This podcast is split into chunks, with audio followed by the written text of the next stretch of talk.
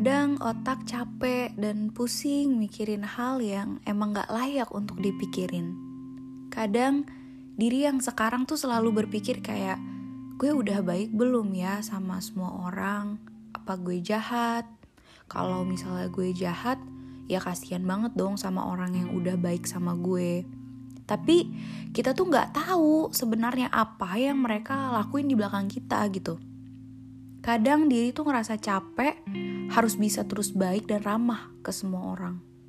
Gak ngerti juga, bibir sama hati tuh kadang gak sinkron banget. Kalau bibir bilang tuh, gedek banget gue sama tingkah orang itu, bla bla bla bla bla bla.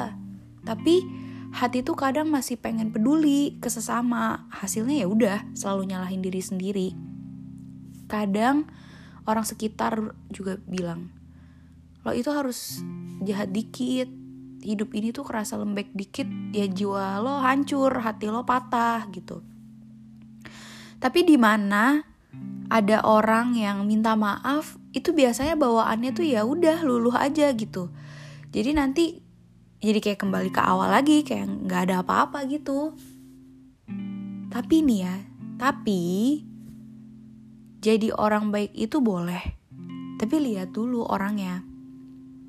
Apa yang orang lakukan dulu jahat sama kita, masih pantas nggak gitu kita baikin. Ya pasti kita maafin dong, memaafkan itu boleh dan harus. Tapi kalau misalnya kita harus dekat kayak dulu, care kayak dulu, kayaknya mikir dua kali nggak sih? Karena semua orang pasti punya kesalahan. Tapi pertanyaannya sekarang adalah, serius gak sih dia itu minta maaf dan mau berubah? Atau dia bakalan terus buat kesalahan sama kita? Masalahnya kalau cuma ngomong minta maaf doang mah anak umur 4 tahun 5 tahun juga ngerti. Karena beberapa orang tua juga ngajarin kan ke anak-anak gitu kalau misalnya lo salah lo harus minta maaf. Tapi masalahnya dia tuh serius nggak memaknai nggak kata maaf itu gitu pasti akan ada pertanyaan nih kalau bisa ngomong kayak gitu sih emang lo pernah ngalamin yes. Ya namanya orang hidup ya. Yang namanya kecewa sama orang itu pasti udah jadi makanan tiap hari dan kayaknya hampir semua orang pasti pernah kecewa sama orang lain yang gak sih?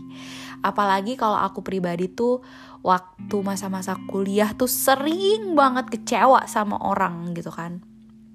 Karena selalu selalu dikecewain lah intinya. Kadang tuh apa ya dulu tuh hampir pernah nyalahin kayak takdir gitu. Kayak gue tuh udah baik gitu loh sama orang tapi kenapa orang tuh nggak baik sama gue? Astaga.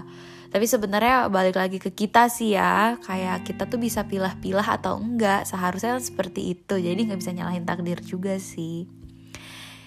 Ya kayak misalnya kita udah berpikir positif nih tapi iya ternyata orang itu tuh belum tentu baik juga ke kita. Emang yang namanya harusnya baik tuh nggak ada harapan balik gitu ya. Tapi emang wajib pilih-pilih sih kalau misalnya emang nggak mau sakit hati nggak mau terluka gitu nggak mau kecewa sama orang. Ya poinnya adalah itu kesimpulan aku aja ya poinnya adalah ya udah jangan menyerah untuk menjadi orang baik. Walaupun kamu belum bisa jadi yang terbaik buat orang lain. Kayak gitu aja sih. Dan kalau misalnya baik kayaknya harus pilah-pilah deh daripada nanti dikecewain terus ujung-ujungnya dimanfaatin. Ya harus lihat orangnya juga ya gak sih?